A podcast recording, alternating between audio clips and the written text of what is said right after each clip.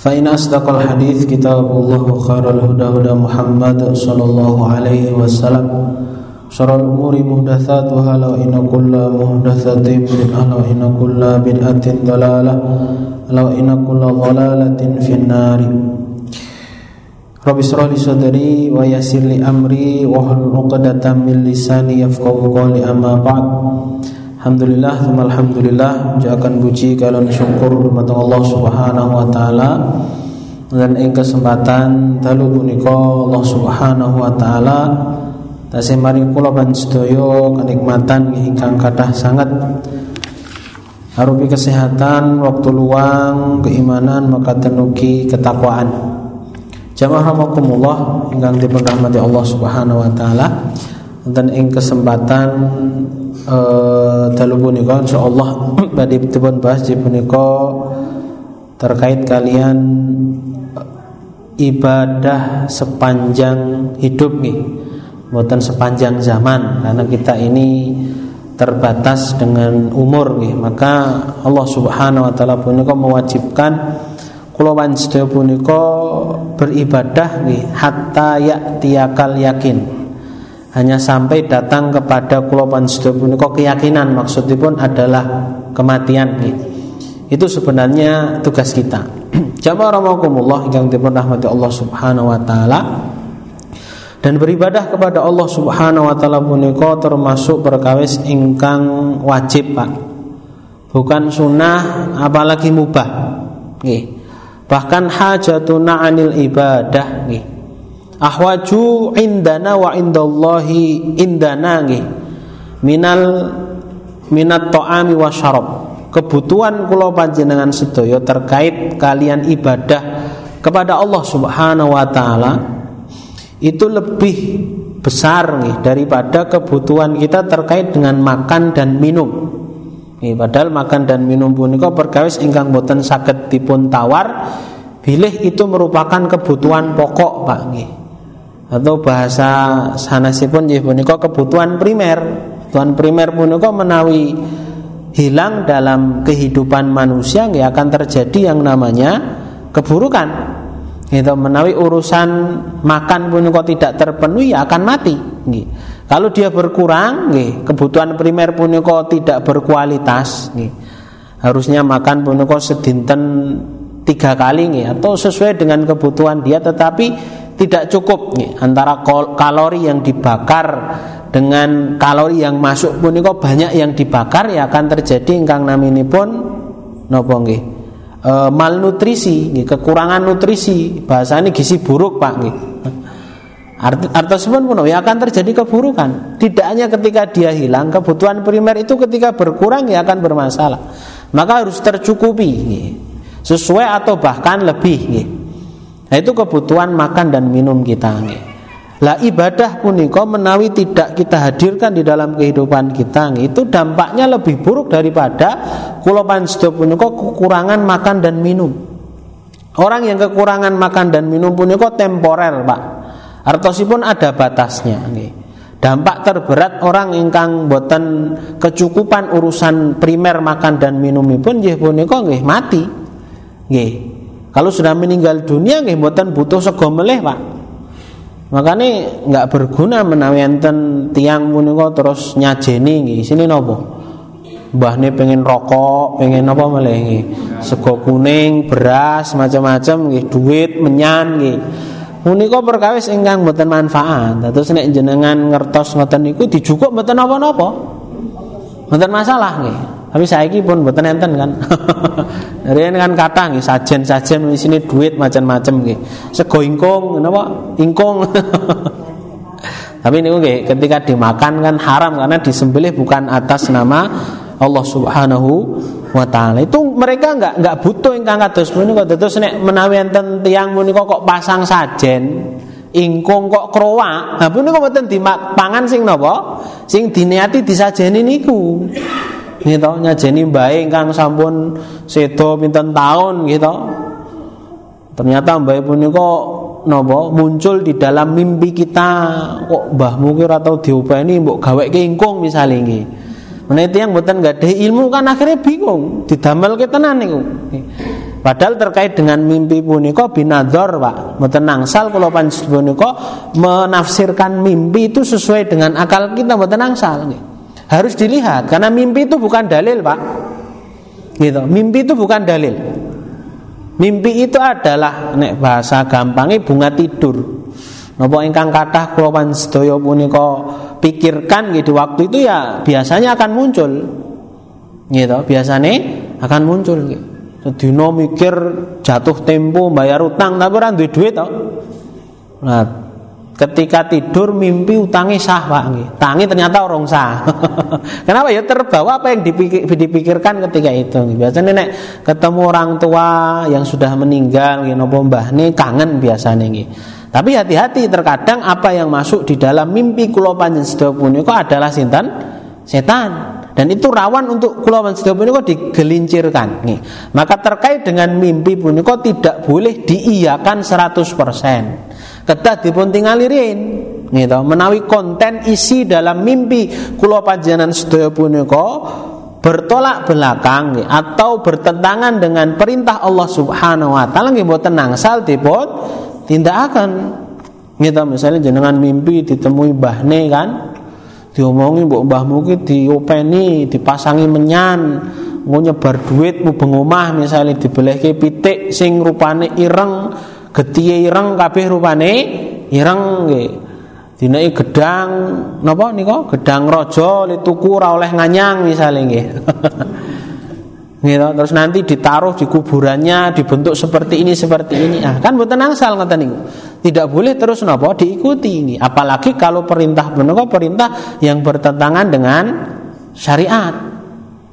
Nggih, misalnya mbah jenengan muncul dalam mimpi kita nggih menyampaikan mbahmu biyen jutaan karo kae, maka ojo kowe terus nyerak-nyerak karo kuwi terus ke jutaane misalnya mboten angsal. Gitu nggak boleh diturunkan seperti itu tidak boleh diikuti kecuali mimpi punika adalah perkawis-perkawis ingkang tidak bertentangan dengan syariat. Gitu misalnya jenengan ditemui oleh orang tua yang sudah meninggal dunia diingatkan mbok sholat iki dibenerke. Biasanya nek duhur punika mboten tepat waktu ya tepat waktu nggih. Oke lah lima waktu tapi bagaimana kalau sholat punika ten masjid nggih. Ojo lali sedekahe nggih, ojo lali didongake wong tuane nggih. Lah kalau materi atau konten mimpi punika kados punika kan tidak bertentangan dengan syariat, gitu suruh membenarkan sholat, suruh berinfak, itu kan tidak bertentangan dengan syariat. Angsal dipun akan. Tetapi hakikatnya nggih, kula panjenengan punika bukan karena petuah orang tua kita di dalam mimpi punika mboten. Karena memang hakikatnya nggih, perintah-perintah punika adalah perintah dari Allah Subhanahu wa taala nggih. Terus punika nggih, jamaah rahimakumullah ingkang dipun eh, rahmati Allah Subhanahu wa taala. Terus urusan kebutuhan pokok terkait dengan ibadah kula panjenengan sedaya punika nggih. Kalau orang itu kehilangan kebutuhan primernya di dunia, batas akhirnya menaipun boten kuat mentok itu paling mati. Kalau sudah mati nggih boten nggak akan berguna urusan dunia. Kebutuhan primer dunia punika tidak akan napa? Tidak akan berguna nggih. Tapi kalau orang punika gagal nggih dalam memenuhi kebutuhan ibadah nggih maka dampak buruknya pun bukan sekedar di dunia. Gitu, tetapi besok di akhirat. Gitu. Menawi kula sudah punika kekurangan sangu Pak. Di akhirat punika khofat mawazinu. Timbangan amal kebaikan kula panjenengan sedaya punika ringan dalam artian nggih. Eleke punika luwih kathah dosane punika luwih kathah nggih. Ya pahala terkait dengan akhirat kathah Pak duwe pahala sholat ya tapi gurne Jumatan tok misale. Enten to? Sing sholat punika gurne riyaya mawon. Enten mboten? Kata Pak. dia kan punya pahala itu kan ya tetap berpahala kan. Tapi kan dia meninggalkan sholat wajib itu dosa Ketika ditimbang Amal keburukannya pun lebih banyak daripada amal kebaikannya nggih. Fa ummuhu hawiyah kata Allah. Maka tempatnya pun itu adalah di hawiyah. Artinya dia tidak memenuhi kebutuhan ibadah yang dia butuhkan besok di akhirat itu dampaknya adalah dia masuk ke dalam neraka. Nih, waman khofat mawazinu pun itu mboten orang kafir, Pak. Mboten kita bahas nih. orang kafir dalam permasalahan ini. Nih, karena apa ya orang kafir amelu ngaji. Gitu. yang harus kita koreksi ya orang beriman yang terkadang masih ragu dengan keimanannya. Termasuk bagian dari keraguan terhadap keimanan ibu kok ngibadahi mboten tenanan. Nih, jadi orang yang dia itu khofat mawazinu timbangan kebaikannya punika mboten kathah dan akhirnya masuk ke dalam neraka punika orang beriman Pak orang Islam Nggih. Orang Islam yang ketika menghadap Allah Subhanahu wa taala punika timbangan kebaikannya punika tidak banyak. Ibaratnya punika mboten cukup, Pak. Kan susah kan? Gitu. Tiang punika nek perjalanan jauh kentekan sangu nyanyi, Pak. Gitu, susah. Misalnya jenengan ten Jakarta nih, sangu sak juta niku kan PP cukup toh. Tapi ketika berangkat kecopetan, Pak. Nggih sak dompete, sak tase, sak sangune kabeh nggih HP-ne ra iso ngubungi sinten-sinten nggih. Hartosipun kan nanti di tengah jalan nggak cukup lagi untuk ke sana. Ya kan? Itu kan susah. Perjalanan kita di dunia saja menimbulkan enten bekal kan susah. Apalagi perjalanan besok di akhirat. Gitu. Kalau di dunia pun kok terkadang enten tiang ingkang mesakake, Pak. Ya akhirnya memberikan bantuan. Tapi kalau di sana pun kok tidak kula panjenengan punika akan diberi diminta oleh Allah Subhanahu wa taala terkait dengan pertanggungjawaban nafsi-nafsi piyambak-piyambak gitu. La yukallifullahu nafsan illa usaha Allah tidak akan membebani sesuai dengan kemampuannya. Artosipun apa? Kita ini akan memikul pahala kita sendiri sebagaimana kita memikul dosa kita sendiri. Begitu juga dengan orang lain. Lah kok antara kula panjenengan punika dengan e, rencang kula sedaya dengan teman kita nih. Nih, kita ini dengan keluarga kita orang yang kita kita cintai saja nih di dunia ini, besok di akhirat tidak ada jaminan mereka itu akan menolong kita kok, Pak. Nih. Ini jenengan maos terkait dengan kisah bagaimana Rasulullah Shallallahu alaihi wasallam mengabarkan nih kehidupan besok setelah terjadinya hari kiamat, kiamat kubro, hancurnya jagat raya puniko. Kulawan sedoyo kan dikumpulkan di padang mahsyar. Nggih, wong Jawa ngarani ora-ora mahsyar, Pak. Nah, di situ kata Rasulullah, kulawan sedoyo akan dibangkitkan oleh Allah Subhanahu wa taala arian, hurlan, khufatan nggih. Dalam kondisi tidak memakai baju nggih dereng dipun sunat. Nih, dalam kondisi dereng dipun sunat. Terus dalam kondisi tidak memakai alas kaki nih.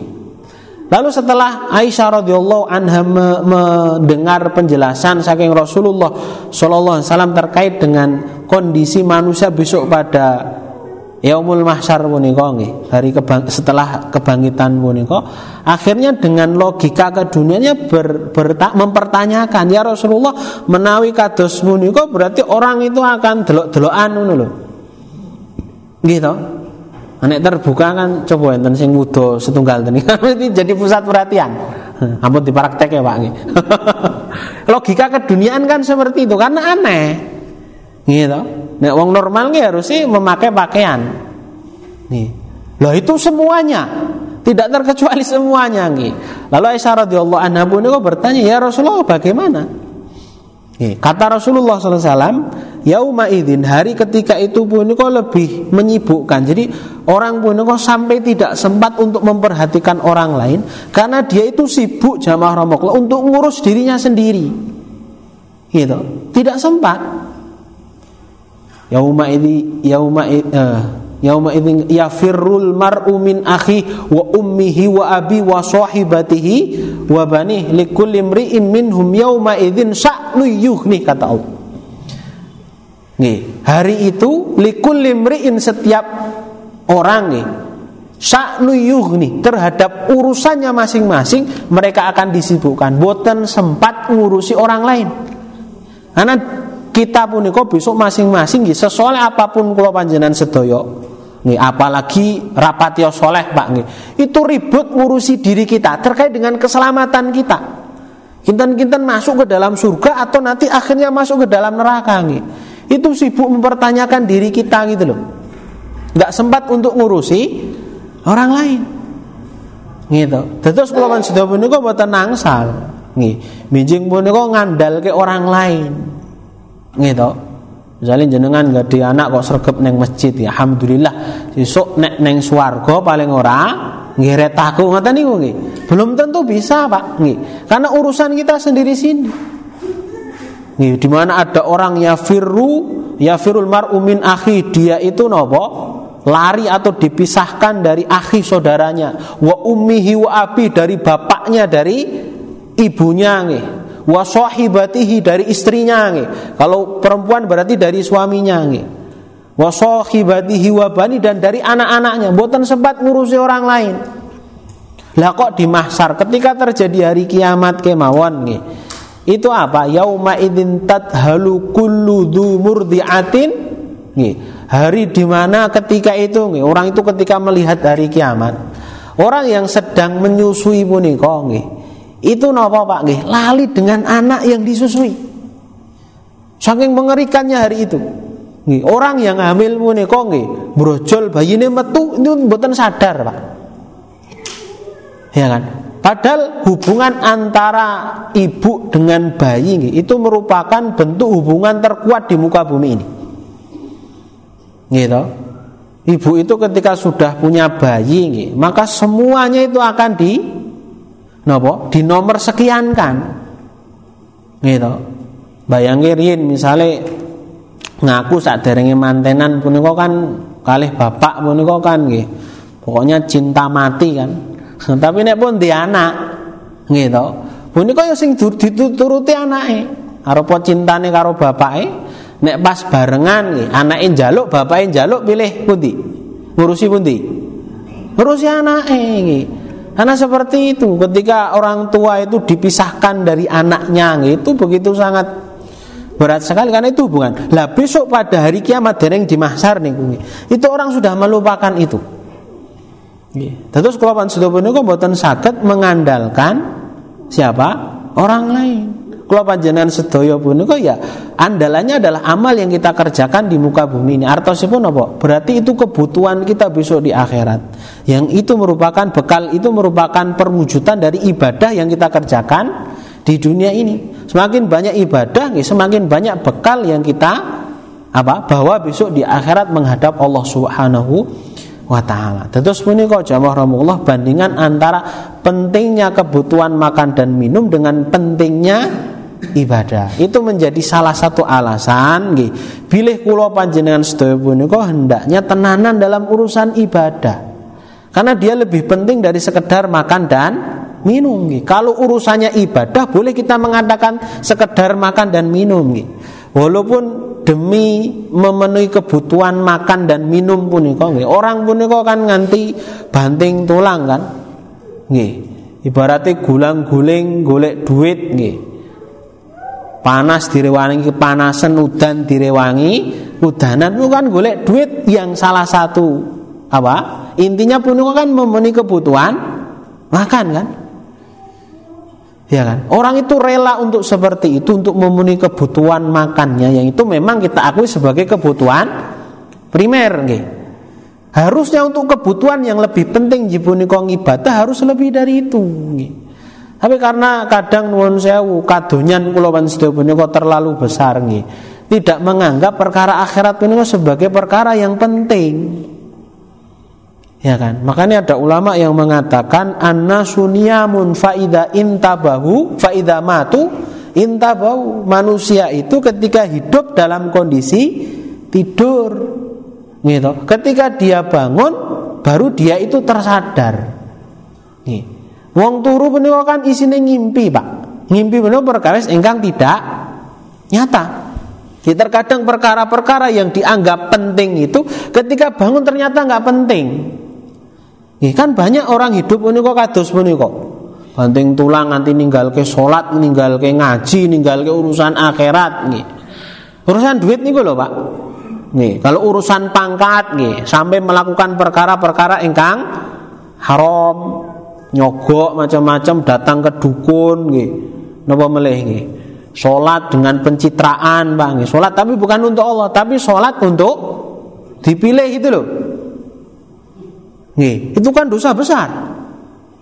Sesuatu yang harus diberikan kepada Allah tapi diberikan kepada, maka Allah begitu sangat murka dengan orang yang seperti itu. Nih. Ya kan, untuk dunia sampai mereka itu rela untuk melakukan perkara-perkara yang dibenci oleh Allah Subhanahu wa taala. Itu yang dianggap penting padahal besok di akhirat pun buatan penting. Gitu. Yang penting di akhirat pun nggih salat kula panjenengan sedaya sedekah kita nggih. Yang dulu ketika di dunia itu orang menganggapnya sebagai sesuatu yang tidak penting. Nggih.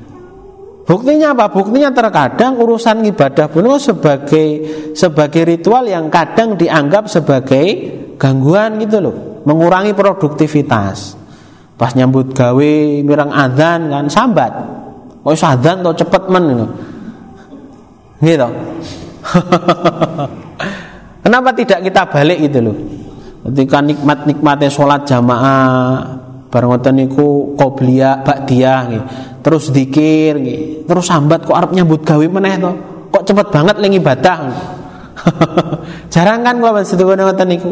Karena kita menganggap urusan dunia punika penting, urusan akhirat buatan terlalu penting. Sehingga ritual ibadah itu kadang sebagai apa? Kita menganggapnya sebagai sesuatu yang mengurangi produktivitas. Dunia nganti direwangi lembur-lembur gitu.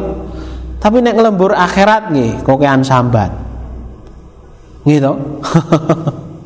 ngaji pun kok rong jam kok rong jam bang? Sak jam tambah sidik pun klesat klesot nggih. Coba nek ngurusi dunia ngantuk mboten. Kenapa? Karena menganggap penting urusan dunia nih bukan kita mengatakan itu tidak penting tapi harus pada porsinya gitu loh. Jamaah Rabbul kang dirahmati Allah Subhanahu wa taala.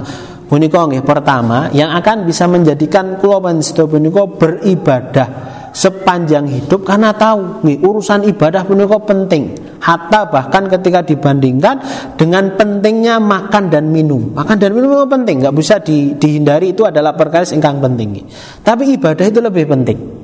Oke. lah orang beriman punika dia bisa eh, apa namanya menjadikan urusan dunia makan dan urusan ibadah punika perkawis ingkang boten bertentangan kalau orang tidak beriman, tidak punya ilmu, gitu, menganggap perkawis punika perkawis ingkang bertentangan.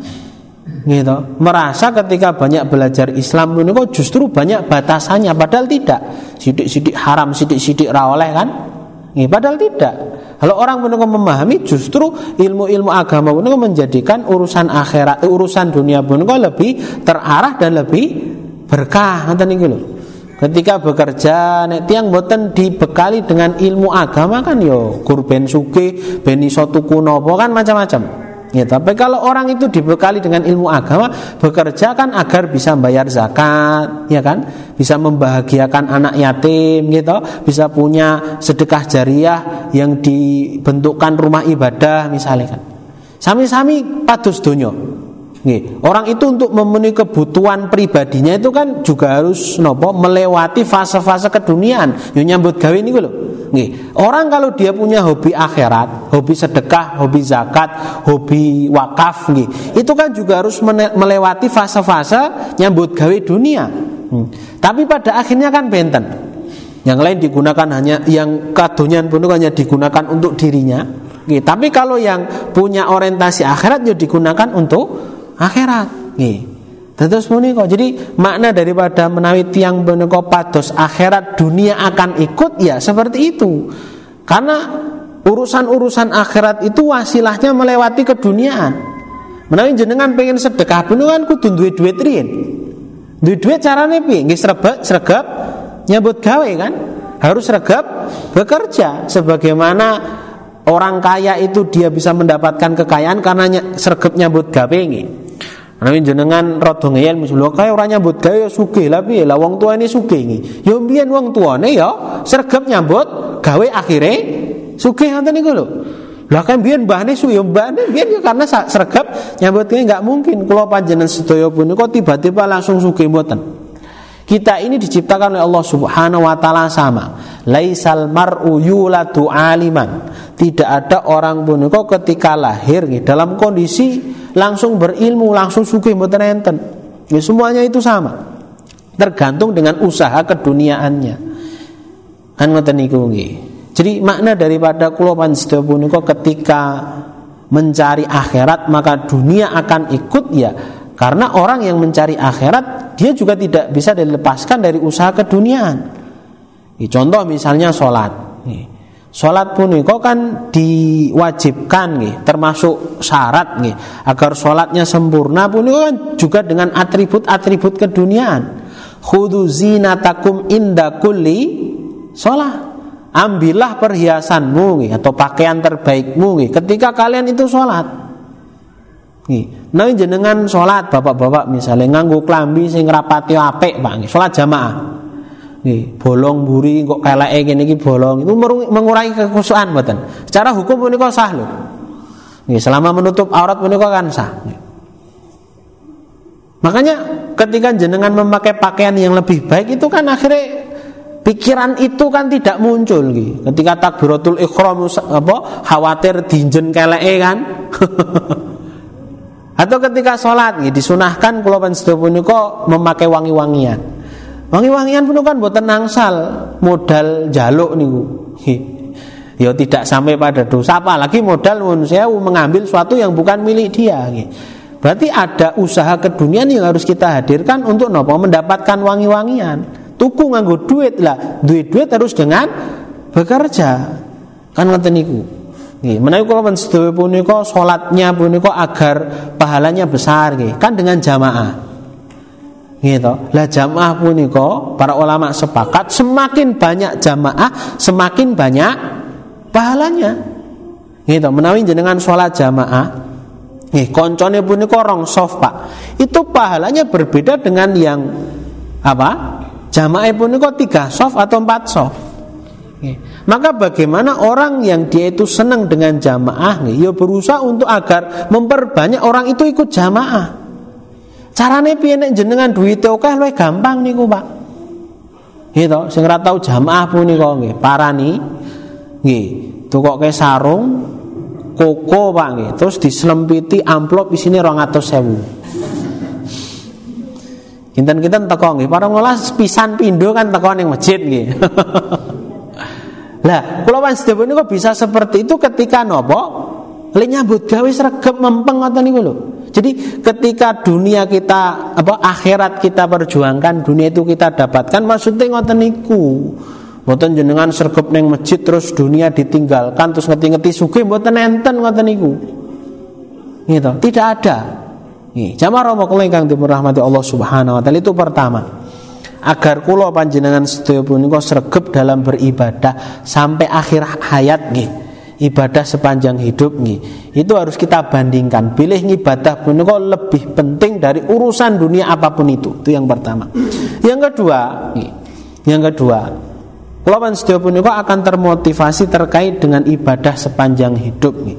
Karena apa nih? Karena beban ibadah Kulo panjenengan sedaya yang diwajibkan oleh Allah Subhanahu wa taala, yang diperintahkan oleh Allah Subhanahu wa taala punika Pak nggih, tidak sebanding nggih dengan fasilitas, dengan nikmat yang Allah Subhanahu wa taala berikan kepada kita. Gitu. Saat ini hitung-hitungan Pak nggih. Perintah Allah Subhanahu wa taala yang diberikan kepada kita itu kalau dibandingkan dengan nikmat yang Allah Subhanahu wa taala berikan kepada kita pun kok tidak sebanding. Jauh lebih banyak nikmat yang Allah berikan kepada kita. Gitu. Makanya para salaf pun kok ibadahnya mempeng karena ingat nikmat yang Allah Subhanahu wa taala berikan. Kita ini mempunyai fasilitas kehidupan yang Pulau kok tidak meminta, tapi Allah sudah berikan begitu saja tanpa ada kulawan sebenarnya harus mengganti dengan materi keduniaan. Yang seandainya punika dimaterikan kulawan sedaya tidak akan mampu pak. Bayarnya punika buatan akan mampu. Ya kan? Ini namanya tafakur. Kata Allah wa fi anfusikum afalatu besirun kepada dirimu kenapa kalian tidak memperhatikan? Kalau kan sudah punika ada tangan bang tanpa ditawari. Nanti jenengan dongo kalian Gusti Allah. Ya Allah berikan saya tangan Mboten toh? Diberikan mata ingkang sehat, nih. Diberikan lisan ingkang sehat, nih. Diberikan jasad ingkang sehat, nih. Itu kan rezeki yang begitu sangat mahal sekali. Niku ingkang ketinggal, ingkang boten ketinggal yang ada di dalam tubuh kula panjenengan yang menyokong nopo e, vitalnya kehidupan kula panjenengan nggih. Enten ginjal, enten macam-macam niku lho. Itu enten error sedikit kemauan kan ragate kata. Sing do usus buntu niku lho. itu bayare pinten niku? Napa sing ginjele rusak kan? Harus cuci darah setiap seminggu dua kali kan nek ginjele rusak niku. Gitu sing paru-parune rusak ngenten sing dibolong. Mriki niku lho Pak kokean do napa? Do udut niku lho gambare kan ngoten niku. Nggih. Nah, nyatane aku udut ya ora dingonoke Mas. Ya urung wae. Mboten dongake Pak niku kor gambare. Jenengan mboten percaya mboten napa-napa kok Terus enten sing rusak nopo hatinya, rusak jantungnya, dadak diring macam-macam itu kan biayanya itu banyak sekali. Ketika dirupiahkan, Allah memberikan kepada kulo panjen sedaya punika cuma-cuma. Hanya diperintahkan untuk sholat sehari lima waktu, puasa hanya sebulan dalam satu tahun. Nopo melih zakat itu hanya ketika harta kulo panjen sedaya punika sampai nisab. Nih. Haji hanya bagi orang yang mampu untuk nopo menunaikan ibadah haji menawi boten kewajiban punika boten dipun wajibakan. Itu kalau di, dibandingkan dengan nikmat yang Allah Subhanahu wa taala berikan kepada kita nih, itu kan nggak sebanding. Nih, tidak sebanding. Sampai Rasulullah pun pernah ini karena kemurahan Allah nih, mengingatkan tentang nikmat Allah kepada sahabat nih. Sesungguhnya setiap ruas tulang yang ada pada dirimu itu harus dia apa? ibadai. Ruas tulang pun kok kan pinten Pak? Kata sangat kan. Niku enten sing error setunggal iki mawon. Yang sarap kejepit niku lho. Niku namung pinten niku sing kejepit niku. itu pun buatan sakit napa-napa kan. Wis sengkleh kabeh rasa mlaku macam-macam kan. Itu nikmat Allah yang Allah Subhanahu wa taala berikan kepada kita. Itu kata Rasulullah semuanya harus disyukuri. Nih, semuanya harus disyukuri. Nih, itu kalau dihitung tidak akan cukup. Nih, dengan kemampuan kita untuk mensyukuri apa yang Allah Subhanahu wa taala berikan. Hanya para sahabat protes bagaimana ya Rasulullah kita ini bisa mensyukuri dalam bentuk kita menggunakannya untuk ibadah itu loh. Bagaimana kata Rasulullah? Itu cukup dengan engkau mengerjakan dua rakaat di waktu duha. Dua rakaat di waktu duha itu sudah cukup nggih. Untuk nopo kula panjenengan mensyukuri nikmat Allah Subhanahu wa taala menawi dipun duit ke kata sangat, Pak. Wong tetombo stroke, tetombo sarap kejepit niku. Berapa puluh, berapa ratus juta dia harus keluarkan. Gitu. Itu kata Rasulullah SAW pun itu dihargai dengan dua rakaat sholat duha. Itu kan sejatuh pun tidak sebanding nih loh.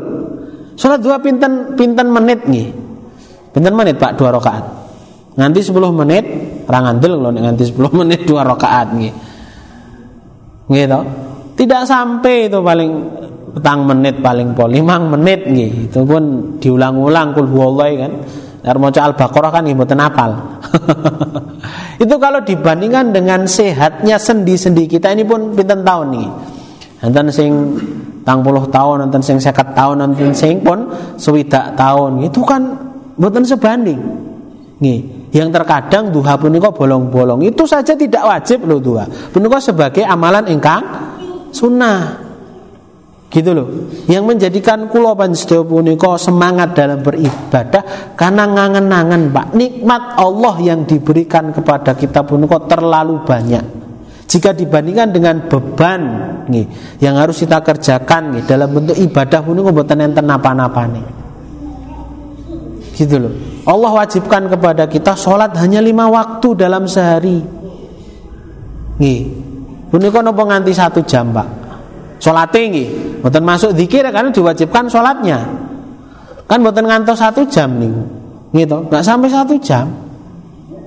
Nih sholat tinggi mawon. Nah padahal Allah memberikan kepada kita dalam sehari 24 jam. Taruhlah satu jam lima, lima waktu dalam sehari pun. Taruhlah satu jam? Bukan tesenten telulikur jam. Nih yang Allah menyerahkan kepada kita mau kita gunakan untuk apa? Gudulan-tulan, argu ngerasani, argu nyambut gawe, argu turu kan? Nih, tugasnya hanya dua, satu jam dibandingkan dengan 24 tiga jam punika lho. Artosipun apa? Ingkang dipun paringaken Allah Subhanahu wa taala kepada kita nggih dalam bentuk itu punika lebih banyak.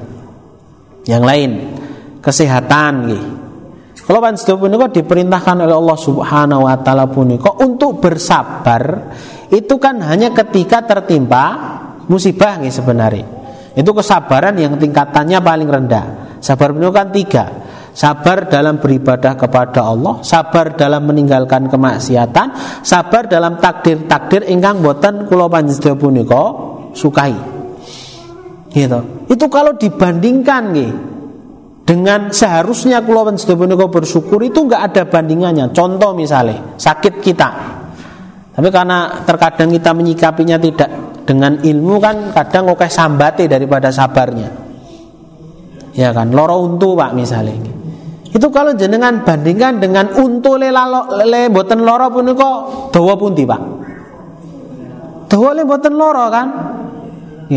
Atau orang yang sakit keras itu misalnya akhirnya meninggal dunia itu kalau dia meng, mengangan-angankan atau mengingat tentang Allah Subhanallah berikan kepada dia kesehatan itu kan lebih banyak kita berbicara orang normal loh pak nih Mboten tiang ingkang karena di sini semuanya kan normal. Saya ngaji kan berarti normal.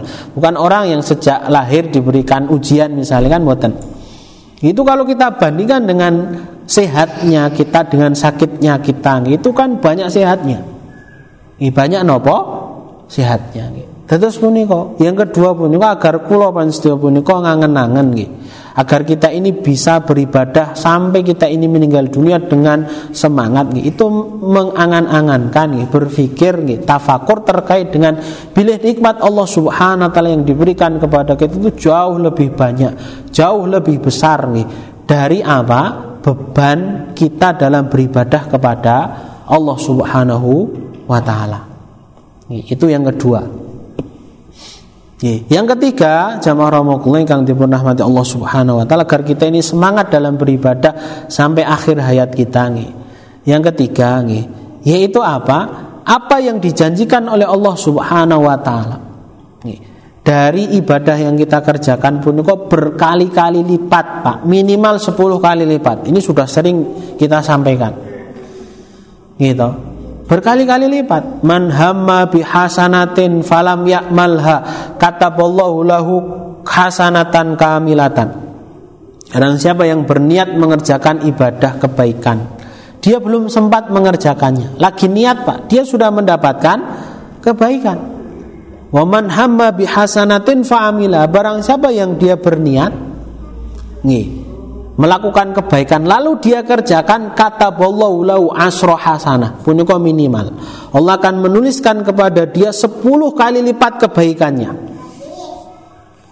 Enten tiang dodolan buat ini 10 kali lipat pak nih ini mesti oke ngapus ini pak gitu dengan kulaan barang 10 hewu tapi payu didol satu sewu kan 10 kali lipatnya niku.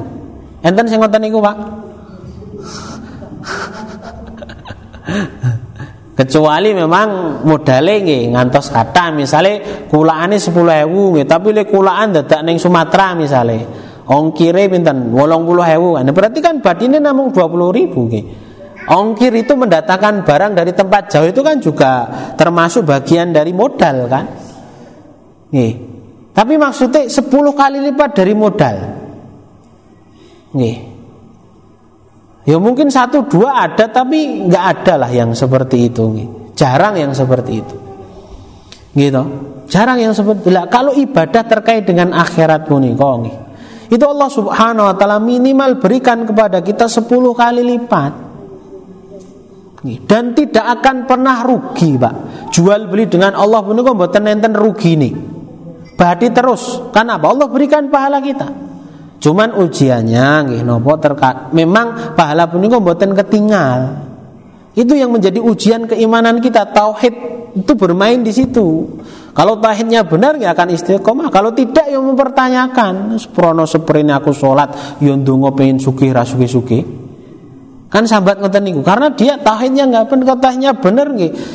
Cara berpikirnya beda nih. Saya minta begitu sangat lama nih. Wasilahnya dengan ibadah menjaga sholat jamaah untuk tidak putus nih. Allah belum mengabulkan nih. Alhamdulillah Allah sayang kepada saya. Buktinya apa? Kalau segera dikabulkan belum tentu apa? Saya bisa sholat selama ini.